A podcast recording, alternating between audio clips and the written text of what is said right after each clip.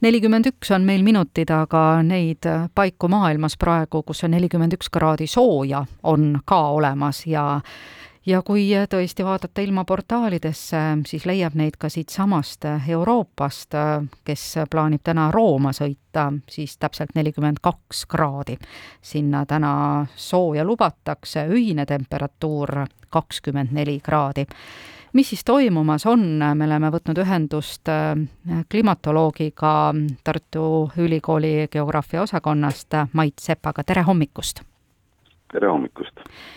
no kui teie spetsialistina kirjeldad, kirjeldaksite seda, mis praegu maailmas toimub, siis mis see on? no see on selline kummaline olukord, kus mm, kliima läheb üha soojemaks ja soojemaks, et äh, selle taga võib äh, kahtlustada äh, sellist inimtekkelist kliima soojenemist, mis on iseenesest füüsikaliselt väga lihtne, et kui me muudame atmosfääri äh, koostist, mida me praegu inimkonnana aktiivselt teeme, siis muutuvad äh, selle kiirguslikud omadused, ehk siis paneme kasvuhoonegaase juurde ja läheb äh, kuumemaks kas need, see, kus see kõik toimub, on ennustamatud või see on tegelikult äh, selline nüüdne tavapärane nähtus? ma pean just silmas seda, et noh, eelmisel aastal ma mäletan, me samamoodi siin hommikuprogrammis imestasime ja, ja ahetasime selle, ohetasime selle üle, et Madridis oli vist noh, nelikümmend kraadi kaks kuud järjest enam-vähem temperatuur. et, et kas me sellest järeldamegi seda, et Euroopas läheb aina kuumemaks, ma ei tea, Aasias näiteks on järjest rohkem üleujutusi ja siin meil on selline noh, ma isegi ei oska öelda, mis meil on, tavaliselt on olnud siin kolmkümmend kraadi, seekord on oluliselt vähem. no vot jah, see on nüüd keeruline küsimus, sellepärast et äh, tegelikult need äh, kuumalained tekivad äh, seetõttu, et äh, mingi territooriumi kohale levib äh, kõrgrõhkkond äh, ehk siis äh, selline kõrgem rõhk, mille korral äh, päikest äh, paistab pidevalt, pilvi ei ole äh,, sadu, sadusid ei ole. äh,, Äh, nii et äh, seda nüüd päris äh, noh, seda ongi keeruline öelda, et mm. kas nüüd selle kliima soojenemise tõttu hakkab selliseid kõrgrõhkkonna olukordi rohkem tekkima või mitte, selle üle võib pikalt vaielda, aga see, et nüüd tänu sellele kliima soojenemisele on õhk juba soojem ja siis nii-öelda see kõrgrõhkkonna tingimustes sooje, lisasoojenemine tõstab temperatuurid kõrgemale, et noh, seda võib küll väita, jah. et see, et kas nüüd äh, mingil hetkel kuhugi kõrgrõhkkond levib, äh, seda nüüd äh, klimatoloogiliselt nagu noh, tõestada ei saa, see on mm. pigem niisugune sünoptiline küsimus mm. -hmm. mis hetkel me saame öelda, et äh, see muster on olemas ja me oleme kuumenemise teel, sest no siin toodi ka välja see, et viimati seitsmekümne neljandal aastal oli sedavõrd kõrged temperatuurid siin-seal, ehk seda on justkui juhtunud varem ka?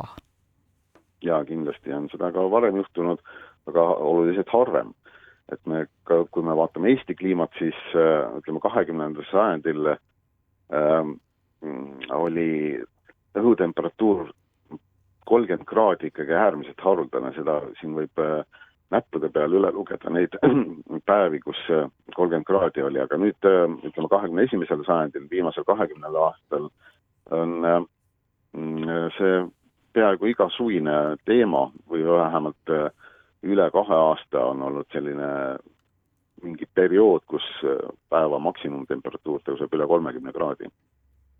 mis on maailma taluvuspiir mm,? jaa, see on huvitav küsimus, millele ma tõesti vastata ei oska. Äh, noh, kliima soojenemise äh, selline mõju on pigem selles, et ta on selline taustajõud, mis, mis võimendab kõiki neid äh, sotsiaalseid ja poliitilisi kitsaskohti, mis meil ühiskonnas tegelikult juba on ja siis äh, see on selline taustajõud, mis äh, just näitab äh, need kohad ära, kus meil on juba halvasti ja need kohad veel lähevad kehvemaks.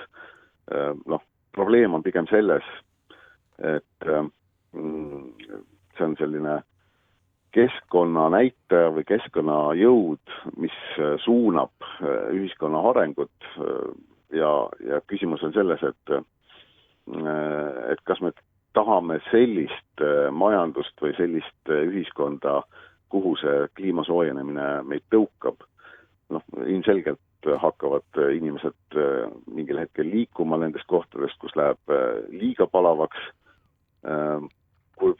kuivõrd me oleme valmis nendeks muutusteks, et see on, see on ühiskonnas võib-olla kõige teravam küsimus selle kliima soojenemise taustal. no selle valguses kõik, kuidas meil siin see olukord on, noh nagu korra hüppan tagasi meie jutu alguse juurde, et äh, eelmisel aastal, meil sel aastalgi oli siin, on olnud selliseid kolmekümnekraadiseid pikki perioode, sel aastal oli ka väga põuane periood, praegu jälle vaatame, et Euroopa ägab kuuma käes, meil on täitsa mahe selline Läänemere äärne kliima no meil on praegu vedanud jah mm, -hmm. et mhm. see kõrgrõhkkond äh, jõudis pühapäeval korraks Eestisse, siis oli lämmatavalt palav. Äh, no vot, see ongi see, et mm, ja mille pärast ongi eestlased suhteliselt kliimaskeptilised. Et vaadatakse, et see on mingi jura, mis aetakse. et niisugust katastroofi tegelikult väga oodata ei ole, et nüüd noh, mingil päeval äh, lähebki kõik väga halvasti.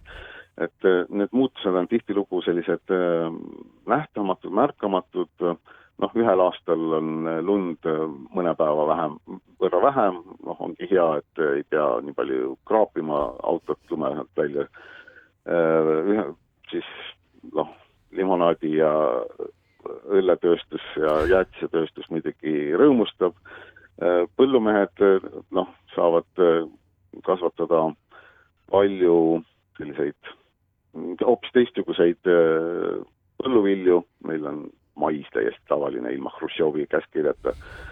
Äh, noh, justkui läheb nagu paremaks, aga, aga see ongi nagu siis selline äh, see, mida me nagu igapäevaselt ei näe, on, ongi just need pikaajalised muutused, et meie ühiskond ka praegu muutub äh, tänu sellele, et või selle tõttu, et meil kliima muutub.